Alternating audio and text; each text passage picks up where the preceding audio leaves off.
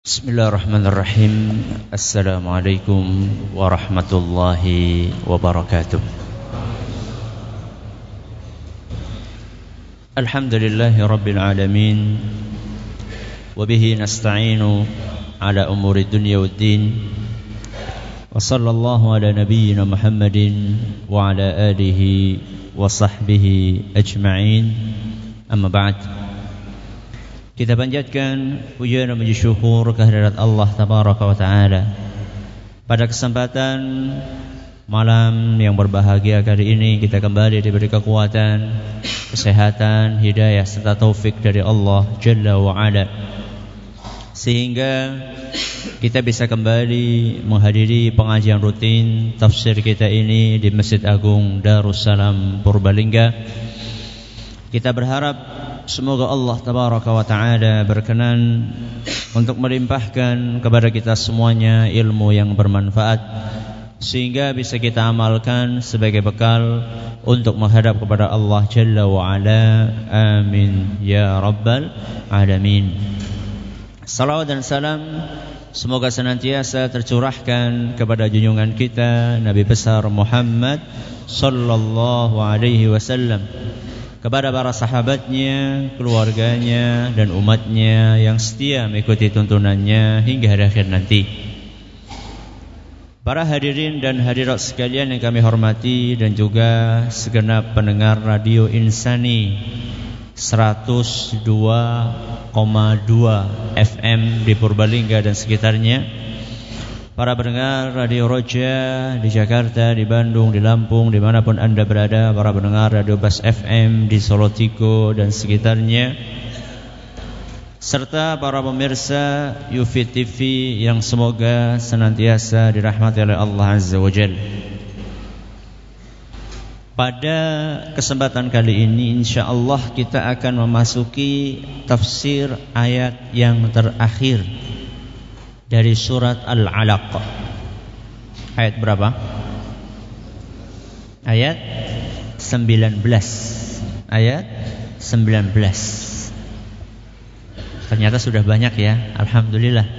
Dengan izin Allah Azza wa Jal kita memasuki pembahasan ayat yang terakhir pada kesempatan kali ini dan insya Allah akan kita bagi menjadi dua pertemuan. Ayat yang terakhir berbunyi kalla la tuti'hu wasjud waqtarib. Terjemahannya tidak demikian atau janganlah demikian. La tuti'hu. Janganlah sekali-kali engkau Muhammad mentaati dia. Siapa dia di sini? Abu Jahal. Kemudian Allah mengatakan wasjud waqtarib. Sujudlah engkau dan dekatkanlah dirimu kepada Allah Azza wa Jalla. Ayat ini di dalamnya Allah Subhanahu wa taala memperingatkan Nabi kita Muhammad sallallahu alaihi wasallam agar senantiasa istiqamah. Istiqamah di dalam berpegang teguh dengan ajaran agama Islam. Dan tidak mempedulikan mempedulikan gangguan, intimidasi, provokasi dari kaum musyrikin. Allah berfirman kalla la tuti'hu Jangan sekali-kali engkau wahai Muhammad mentaati Abu Jahal. Emang apa yang diperintahkan oleh Abu Jahal? Apa yang disuruh Abu Jahal? Jangan sholat. Ini perintahnya Abu Abu Jahal.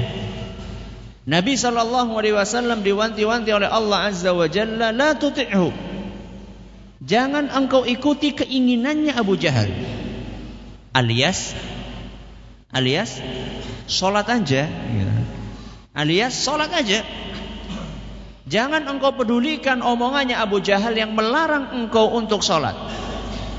Akan tetapi, solatlah engkau.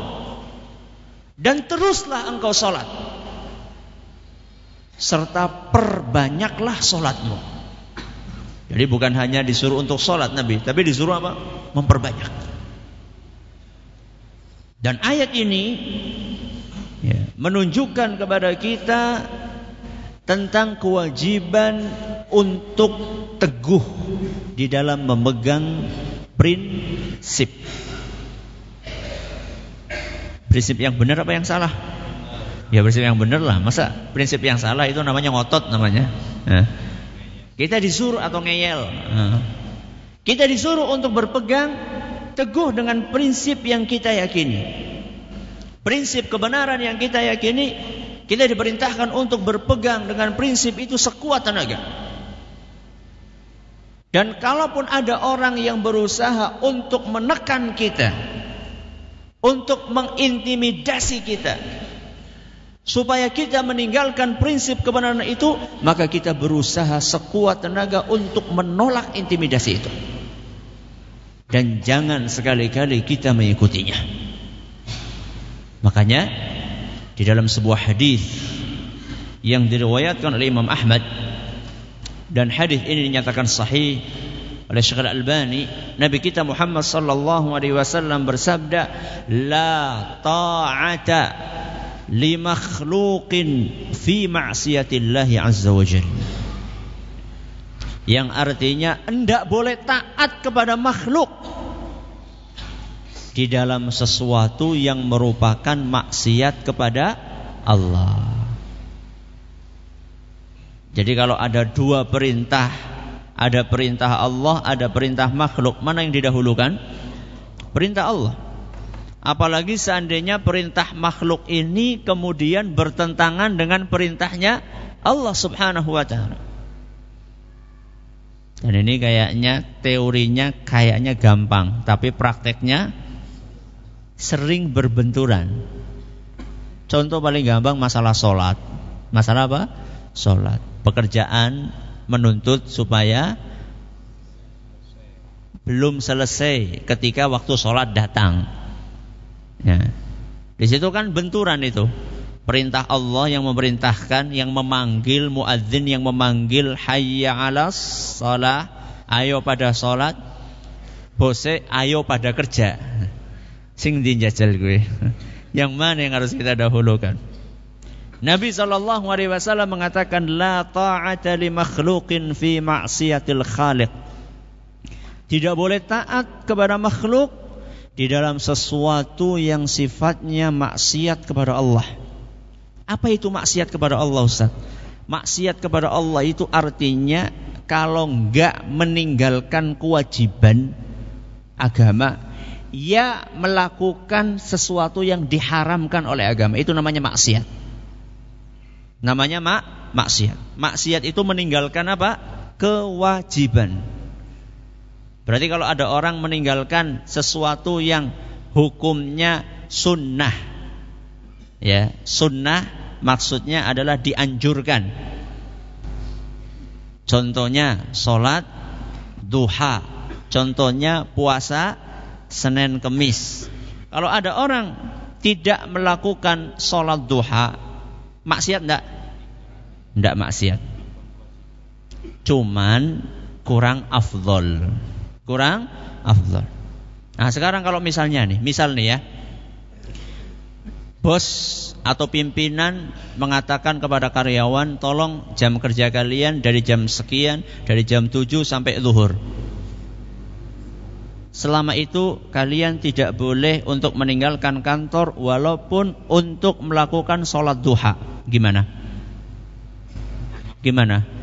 Boleh nggak kita ikuti aturan itu? Boleh nggak? Boleh. Boleh. Karena dia tidak memerintahkan sesuatu yang sifatnya maksiat. Kecuali kalau dia katakan nggak boleh sholat duhur. Kita katakan nuwun sewu mohon maaf, sholat duhur adalah kewajiban.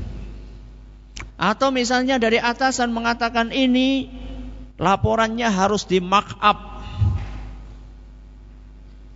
Apa di mark up? Dipalsukan lah segampangannya. Dipal, dipalsukan. Hmm. Yang dilaporkan ini harus ada yang sebagian dikat panjenengan sebagai bendahara. Priwe jajal. Boleh nggak ini? Boleh nggak? Ya, itu adalah maksiat. Karena itu adalah sebuah bentuk penipuan. Sebuah bentuk penipuan. Jadi kita diperintahkan oleh agama kita untuk berusaha konsisten di atas ajaran agama, tidak mempedulikan intimidasi dari pihak-pihak yang berusaha menjauhkan kita dari ajaran agama, sekalipun orang tersebut adalah orang yang paling berjasa dengan kita sekalipun. Siapa itu? Orang tua kita. Dan itu secara tegas Allah sebutkan di dalam Al-Quran surat Luqman ayat 15. Dalam surat Luqman ayat 15 Allah Subhanahu wa taala berfirman, "Wa in jahadaka ala an tusyrika bi ma laysa laka bihi ilmun fala tuti'huma." Kata Allah Subhanahu wa taala, seandainya kedua orang tuamu memaksa engkau untuk melakukan perbuatan syirik fala tuti'huma. Apa artinya? Jangan sekali-kali engkau taati keduanya. Contohnya beri contohnya gimana?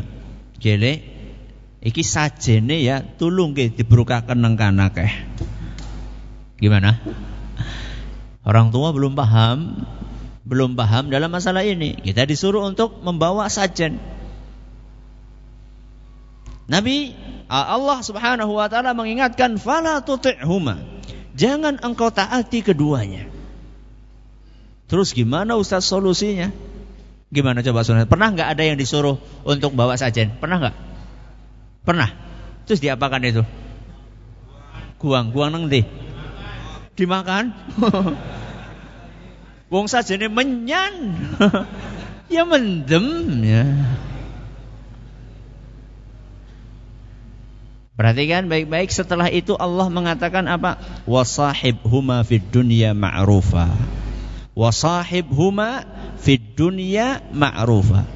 Akan tetapi tetaplah kalian bergaul dengan baik di dunia ini kepada keduanya. Maksudnya apa? Maksudnya dalam sesuatu yang sifatnya prinsip kayak gini kita nggak boleh taat. Tapi di dalam perkara-perkara lainnya yang sifatnya duniawi tidak nyerempet aturan-aturan syariat, maka satu kita harus berusaha untuk mentaati keduanya. Atau mungkin dengan bahasa lain kita berusaha untuk bermain cantik. Ya, bermain cantik ketika kita menolak permintaan orang tua. Ya. Kalaupun sajen itu mau dibuang, ya, ya jangan di hadapan orang tua. Ki banyune gawangan ya, ya pure. nah, kalaupun mau dibuang ya gimana lah caranya? Sembunyi-sembunyi atau gimana? Ya. Sehingga tidak mengingkari sesuatu dengan perbuatan yang bersifat frontal yang akan mengakibatkan mafsadah yang lebih besar. Ya. Maka dari situ Allah Subhanahu wa taala mengingatkan, "Wasahibhuma fid dunya ma'rufa."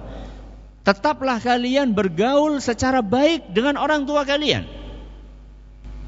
Hari ini disuruh bawa sajen nggak mau. Besok disuruh belanja nggak mau juga. Nggak betul. Ya. Hari ini disuruh ngantar ke dukun nggak mau. Besok disuruh ngantar makanan ke sawah nggak mau juga. Nggak betul. Ya. Jadi kita harus membedakan mana yang tidak boleh, mana yang boleh, bahkan harus, wajib. Ya, kalau orang tua memerintahkan sesuatu yang tidak menyelisih syariat, maka wajib bagi anak untuk mentaati. Contoh kayak tadi, le tolong aku dipijeti. Ya. Wajib kalau kita mampu pijeti orang tua kita. Bawa belanjaan. Kadang-kadang maaf-maaf ini ada sebagian anak yang malu kalau suruh belanja ke mana? Ke pasar. Lanang masa belanja nggak kresek. Hmm. Karena terpaksa akhirnya bawa ransel. Jadi sayurnya dimasukkan ke mana? ke ransel. Ya mending mau berangkat nah, daripada yang nggak mau berangkat. Ini. Jadi ayat ini menunjukkan bahwasanya kita diperintahkan untuk teguh di dalam berpegang dengan prinsip. Akan tetapi bermainlah yang cantik. Ya, bermainlah yang cantik. Para ulama mengatakan ini kan perintah ya, perintah dari nabi untuk eh perintah dari Allah untuk siapa? Nabi. Supaya jangan taat kepada perintahnya siapa? Abu Jahal.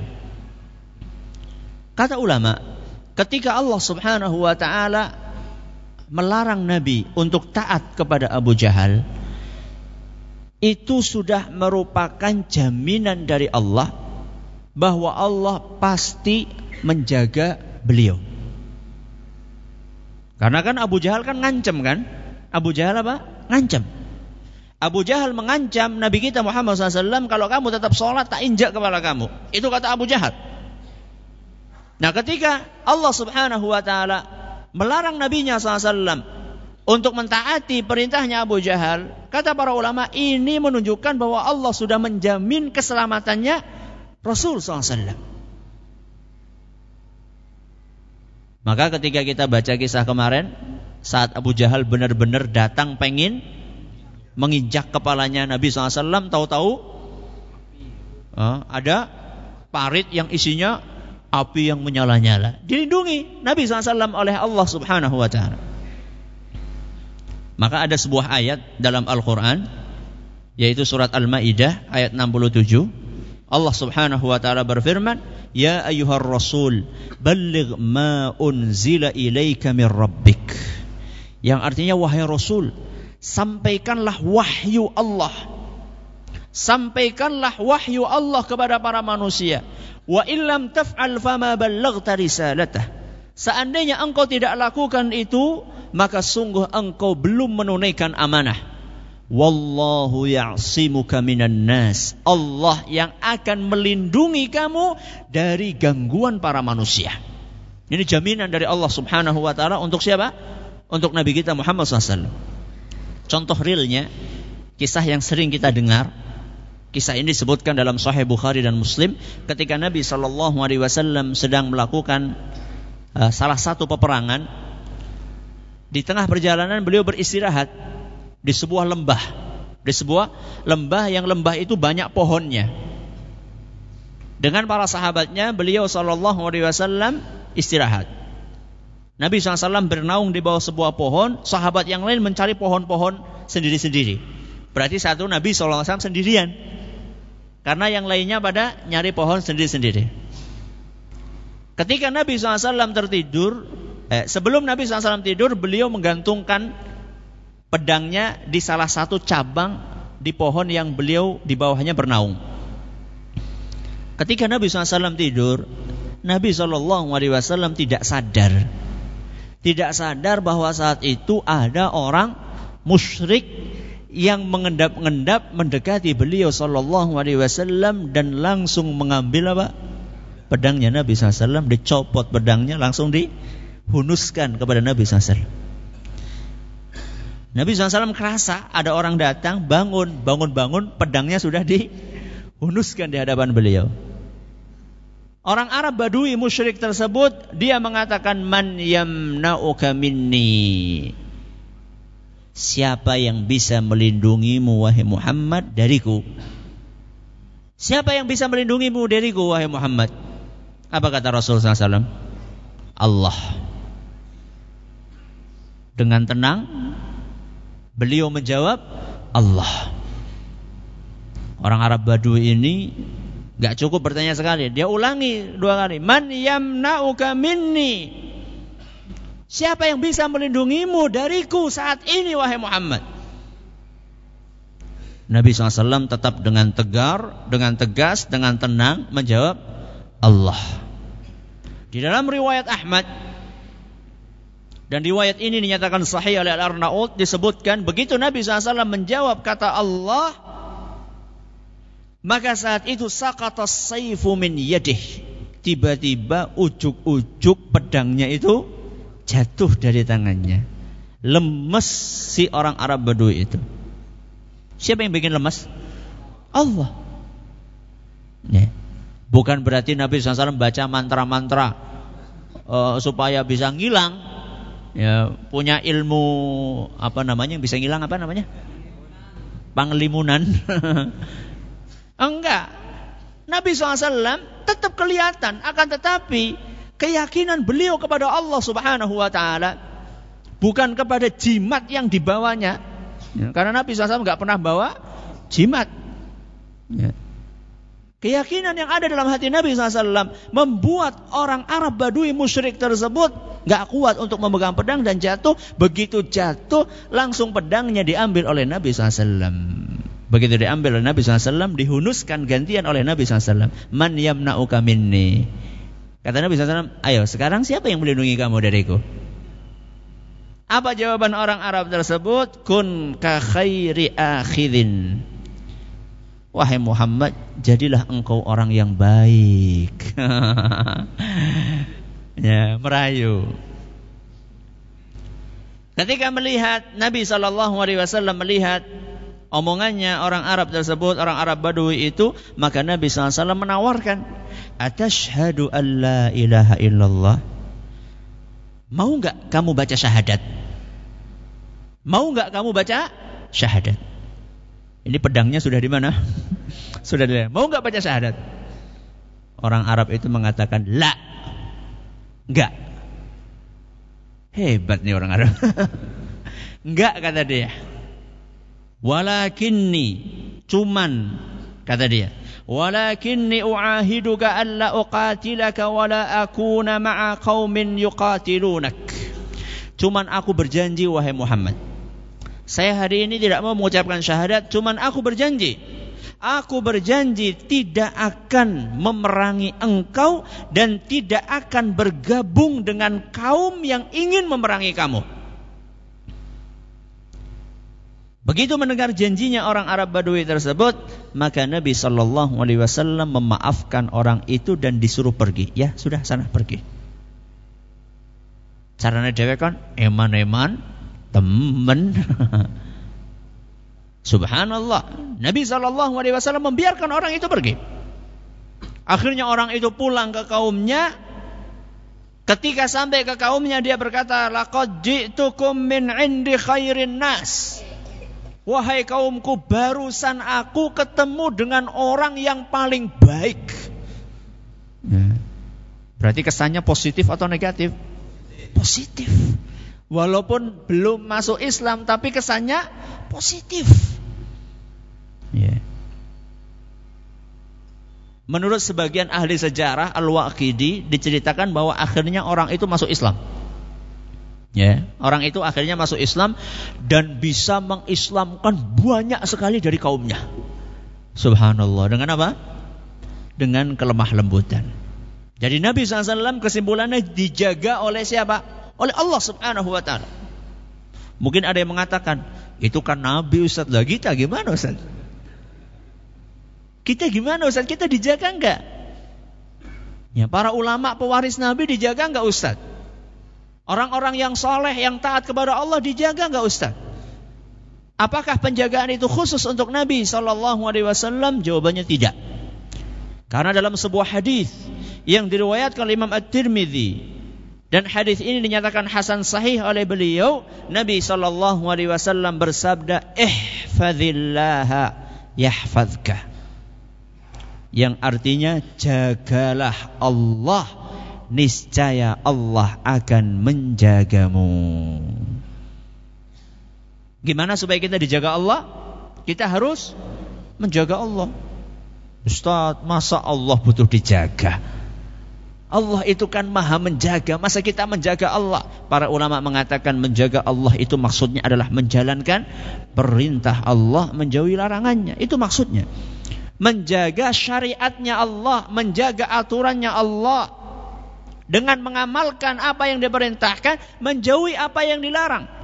Ketika seorang muslim melakukan ini, siapa pun dia, walaupun dia bukan nabi sekalipun, maka Nabi Shallallahu Alaihi Wasallam menjamin bahwa orang itu akan dijaga oleh Allah Subhanahu Wa Taala. Apanya yang dijaga?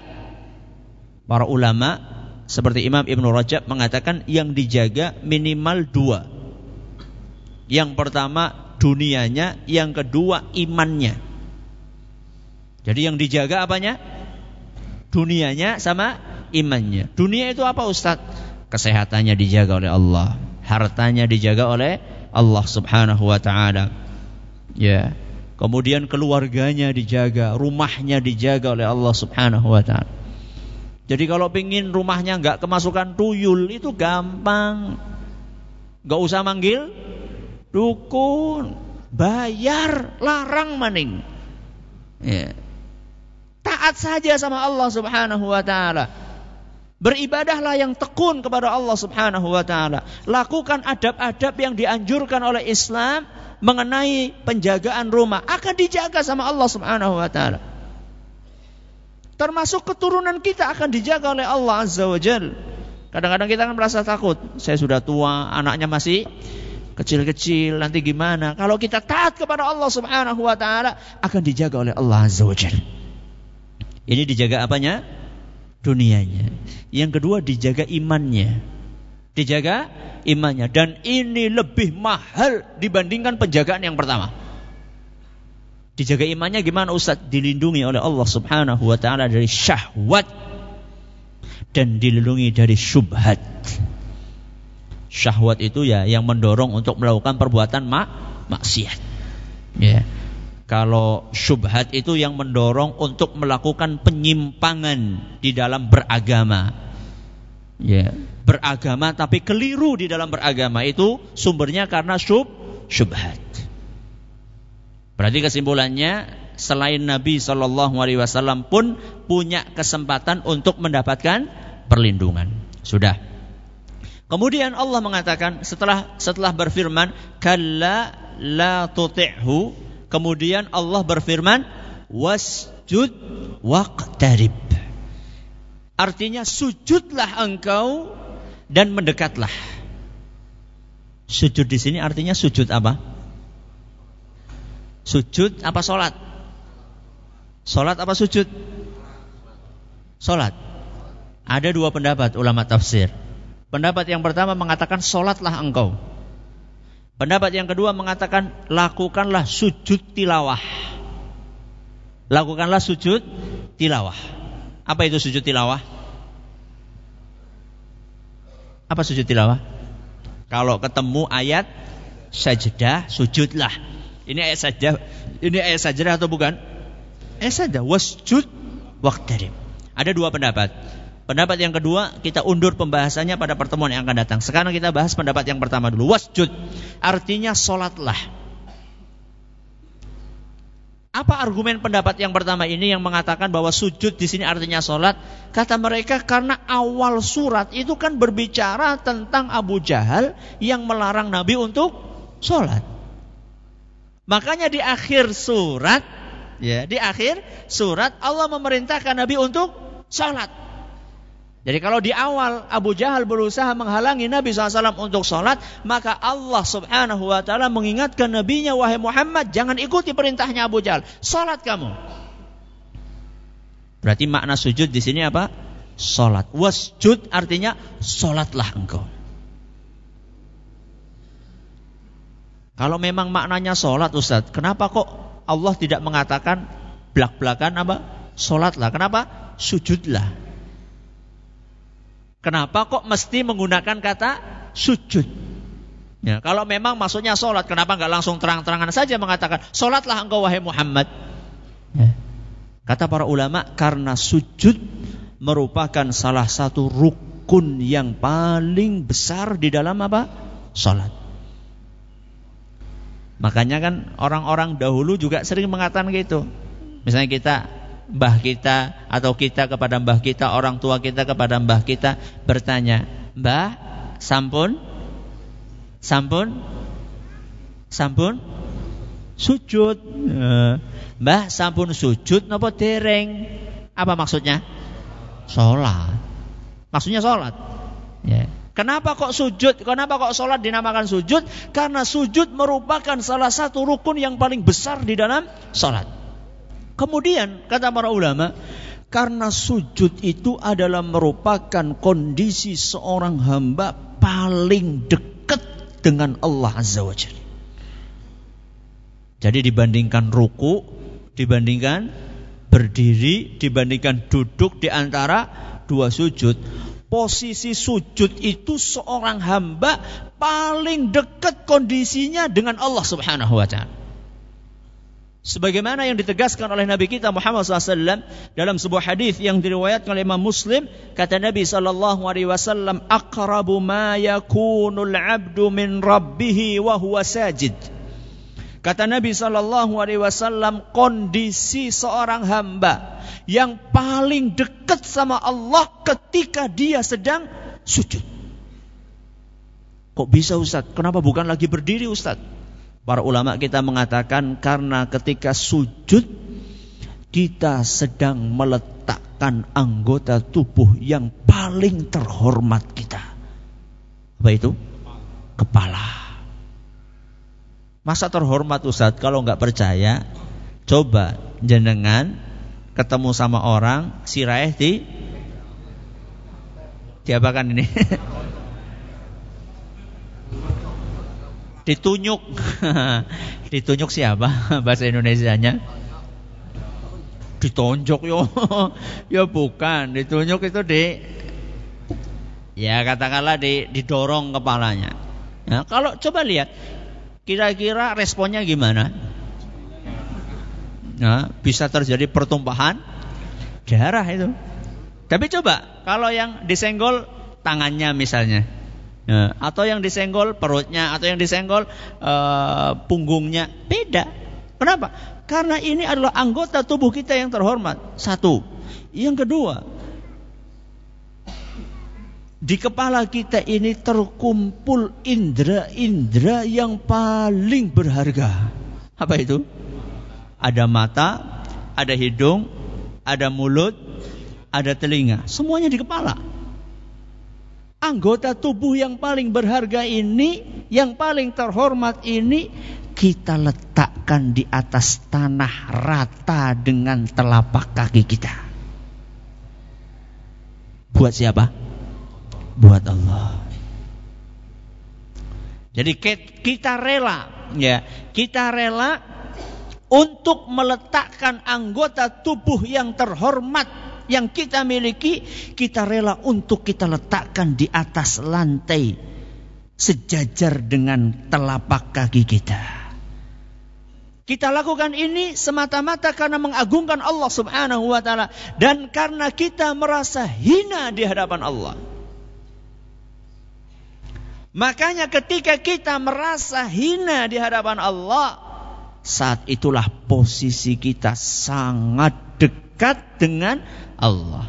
Maka Nabi mengatakan fa'akthiru fihi doa. Perbanyaklah berdoa. Ketika sujud. Nah, kalau kita mau minta sesuatu kan ketika lagi dekat-dekatnya kan. Ya, kita dekat sama seorang ketika lagi dekat-dekatnya. Wah, mumpung lagi dekat. Kita manfaatkan waktu itu. Jadi ketika kita meletakkan anggota tubuh kita yang terhormat di atas tanah, maka Allah Subhanahu wa taala akan mengangkat derajat kita. Karena kita rela untuk menghinakan diri kita di hadapan Allah, Allah Subhanahu wa taala akan mengangkat derajat kita. Ma min muslimin yasjudu lillahi sajdatan illa rafa'ahu Allah biha darajah wa hatta anhu biha khati'ah. Kata Nabi Shallallahu Alaihi Wasallam, tidaklah seorang hamba sujud kepada Allah Azza wa Jal, melainkan Allah Kata Nabi kita sallallahu alaihi wasallam dalam sebuah hadis yang diriwayatkan oleh Imam Ahmad dan hadis ini nyatakan sahih oleh Al-Arnaud kata Nabi sallallahu alaihi wasallam tidaklah seorang hamba sujud karena Allah melainkan Allah azza wa jalla akan angkat derajatnya dan akan hapus dosanya. Maka kalau kita semakin banyak sujud kita akan semakin dekat dengan Allah Subhanahu wa taala. Dari sini kita mengetahui kenapa Allah mengatakan wasjud waktarib. Apa artinya waktarib? Dekatkan diri kamu sama Allah. Berarti semakin kita banyak sujud, kita akan semakin apa? Dekat sama Allah Subhanahu wa Semakin jarang sujud, maka saat itu seorang hamba akan semakin jauh dari Allah Subhanahu wa Maka manfaatkanlah waktu kita, kesehatan kita untuk banyak-banyak sujud. Jangan sampai ketika sudah tidak bisa sujud baru pengen sujud. Ada sebuah kisah nyata, ringkasnya ada seorang anak yang tidak berbakti sama orang tuanya. Selalu ngomongnya sekolah ternyata minggat. Ya. Minggat main-main. Suatu saat dia main-main di kolam renang. Main-main di kolam renang. Gaya-gaya naik papan itu, papan apa namanya? Sing mentul-mentul itu ya. ya. Lompat itu, begitu dia lompat, mak biur kepalanya dulu. Bus. Ternyata ditunggu semenit, dua menit, tiga menit nggak keluar, lima menit nggak keluar. Apa yang terjadi? Kepalanya itu bablas nyentuh apa? Nabrak lantainya kolam renang, dasarnya kolam renang. Mak jedek langsung pingsan di tengah e, di dalam kolam. Baru kemudian diangkat sampai tidak sadarkan diri dibawa ke rumah sakit lumpuh total. Sampai saat ini. Ketika dia ditanya, dia udah tobat, udah baik gitu, ya, suka memberi nasihat. Dia ditanya, "Apa cita-cita kamu yang apa cita-cita kamu? Apa keinginan kamu?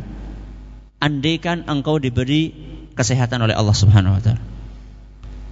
Keinginan saya yang pertama kali kalau saya bisa bangkit dari tempat tidur saya saya pengen sujud kepada Allah. Saya pengen meletakkan kepala saya di lantai. Karena sekarang saya nggak bisa. Dia cuma bisa apa? Terbaring di atas kasur nggak bisa. Sholat sholat. Tapi kan nggak bisa. Nggak bisa dia meletakkan kepalanya di lantai. Nah sekarang kita masih bisa kita letakkan kepala kita di lantai. Letakkan letakkan kepala kita merendahlah di hadapan Allah Subhanahu wa taala. Semoga kita semakin dekat dengan Allah Azza wa Jalla. Allahumma amin. Kita lanjutkan insya Allah pada pertemuan yang akan datang. Uh, sebelum kita tutup, saya sedikit mengingatkan tadi pengumuman yang sudah disampaikan uh, tentang pengajian hari Ahad besok, tanggal 22 Maret. Insya Allah akan ada pengajian di Masjid Agung Nur Sulaiman di Banyumas ya dengan tema memburu hidayah. Temanya apa? Memburu hidayah alias mengejar hidayah. Insya Allah akan kami sampaikan undangannya jam 9 pagi sampai menjelang zuhur insya Allah monggo yang ada waktu, kesempatan, kesehatan dipun rawuhi semoga bermanfaat buat kita semuanya. Terima kasih atas perhatiannya. Mohon maaf atas segala kurangannya. Kita tutup dengan membaca subhanakallahumma wa bihamdika asyhadu an la ilaha illa anta astaghfiruka wa atubu ilaik. Wassalamualaikum warahmatullahi wabarakatuh. Bismillahirrahmanirrahim. Alhamdulillahirabbil alamin wassalatu wassalamu ala nabiyina Muhammadin wa ala alihi wa sahbihi ajma'in wa ba'd. Kita bacakan beberapa pertanyaan yang sudah masuk ke meja kami. Yang pertama, maaf Ustadz, apakah dibenarkan jika seorang akhwat yang sudah ngaji ketika akan dilamar sama seorang ikhwan yang juga sudah ngaji, akhwat tersebut mengajukan syarat yang berat dalam hal dunia atau nafkah atau harta yang akhirnya ikhwan tersebut menjadi uh, putus asa dan seperti mundur dari semangat untuk menikah padahal sudah bekerja mohon penjelasan dan nasihatnya. Uh, di sini tidak disebutkan secara spesifik beratnya itu seperti apa. Beratnya seperti apa? Seandainya wanita tersebut mengajukan syarat sesuai dengan kondisi dia, kesehariannya, karena dia dari kalangan yang berada ya dia dari kalangan yang berada kemudian dia menginginkan dari suaminya agar memberikan nafkah seperti biasanya yang dia dapatkan. Tidak apa-apa. Dalam Al-Qur'an surat An-Nisa ayat 19 Allah berfirman wa'ashiruhunna bil ma'ruf. Yang artinya wahai para suami perlakukanlah istri kalian dengan cara yang ma'ruf cara yang ma'ruf itu seperti apa kata para ulama adalah sesuai dengan kondisi wanita tersebut di lingkungannya bagaimana ya bagaimana kondisi wanita itu di lingkungannya jadi kalau dia dari keluarga yang kurang mampu ya kira-kira sesuai dengan itu umumnya Ya, kalau dari yang mampu ya sesuai dengan umumnya. Akan tetapi dikembalikan kepada kemampuan siapa? Suami. Ya. Itu kalau sudah nikah. Kalau belum nikah, si calon uh, wanita uh, calon istri itu menyampaikan syarat seperti itu, tidak apa-apa, boleh. Selama tidak berlebihan, selama tidak berlebihan. Kalau misalnya dia minta sesuai dengan kehidupan dia kesehariannya, ya, sesuai dengan kebiasaan misalnya saya minta rumah misalnya nikah langsung ada rumah itu adalah sebuah kebutuhan yang prinsipil ya. Sebuah kebutuhan yang primer tidak numpang misalnya. Tidak apa? Tidak numpang. Pengen punya rumah sendiri. Tidak apa-apa. Ya. Akan tetapi tentunya seorang wanita seyogianya memprioritaskan calon suami yang baik agamanya dan baik akhlaknya. Itu jadi prioritas utama.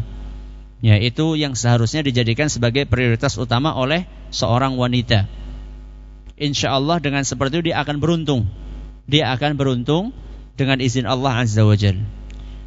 Adapun untuk uh, laki-lakinya di sini katanya kemudian jadi putus asa, jadi semangatnya turun untuk nikah. Emang gak ada wanita lain apa? Ya, cari wanita lain. Ya, emangnya wanita cuma dia saja? Cari yang lain. Cari yang mungkin uh, grade-nya itu agak diturunkan gitu. Ya. Ya, jangan terlalu tinggi grade-nya, sesuai dengan kadar kita gitu loh. Jadi kita kalau nyari suami, eh nyari ya laki-laki nyari istri atau uh, wanita nyari suami itu ya ya yang satu inilah, yang satu level lah ya. Jangan terlalu muluk-muluk ya, ya soleh soleha itu jelas itu target utamanya dari sisi kekayaan dari sisi kecantikan ya. Orang pati yang ganteng ya jangan nyari yang terlalu cantik lah ya. Ya sesuai dengan menyesuaikan gitu loh. Sadar diri. Jadi jangan terlalu tinggi. Nanti kalau jatuh sakit kalau terlalu tinggi itu. Ustadz, apakah kami termasuk sombong kalau tidak mengikuti pengajian dari kiai yang menambah amalan? Apa ini?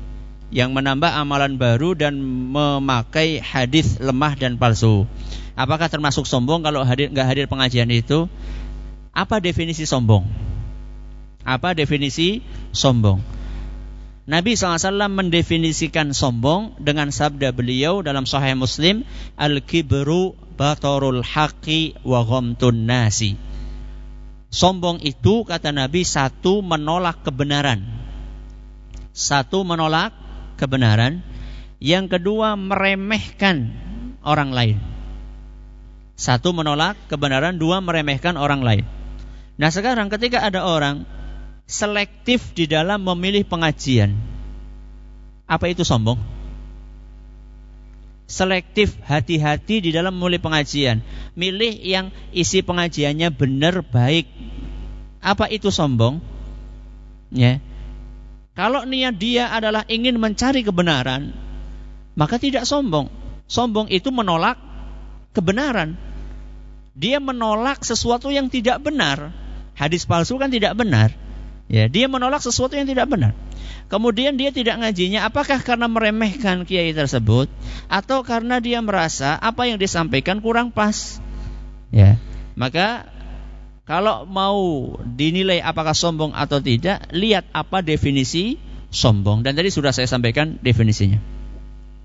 Mana yang benar sesuai dengan tuntunan pada zikir setelah solat membaca salawat Nabi SAW diteruskan dengan Al-Fatihah atau membaca istighfar mohon penjelasannya. Membaca salawat Nabi SAW adalah ibadah yang sangat mulia. Begitu pula membaca Al-Fatihah juga ibadah yang sangat mulia. Akan tetapi kami belum tahu kami belum tahu dalil yang melandasi zikir setelah solat membaca solawat dan al-fatihah. Kami belum tahu dalilnya. Yang kami tahu dalilnya adalah setelah solat membaca is istighfar tiga kali, kemudian membaca zikir-zikir yang ma'ruf Allahumma antas salam, kemudian is, uh, kemudian apa? Subhanallah, alhamdulillah, Allahu akbar, kemudian la ilaha illallah, kemudian uh, membaca ayat kursi, al-ikhlas, al-falak, an-nas. Itu yang kami tahu.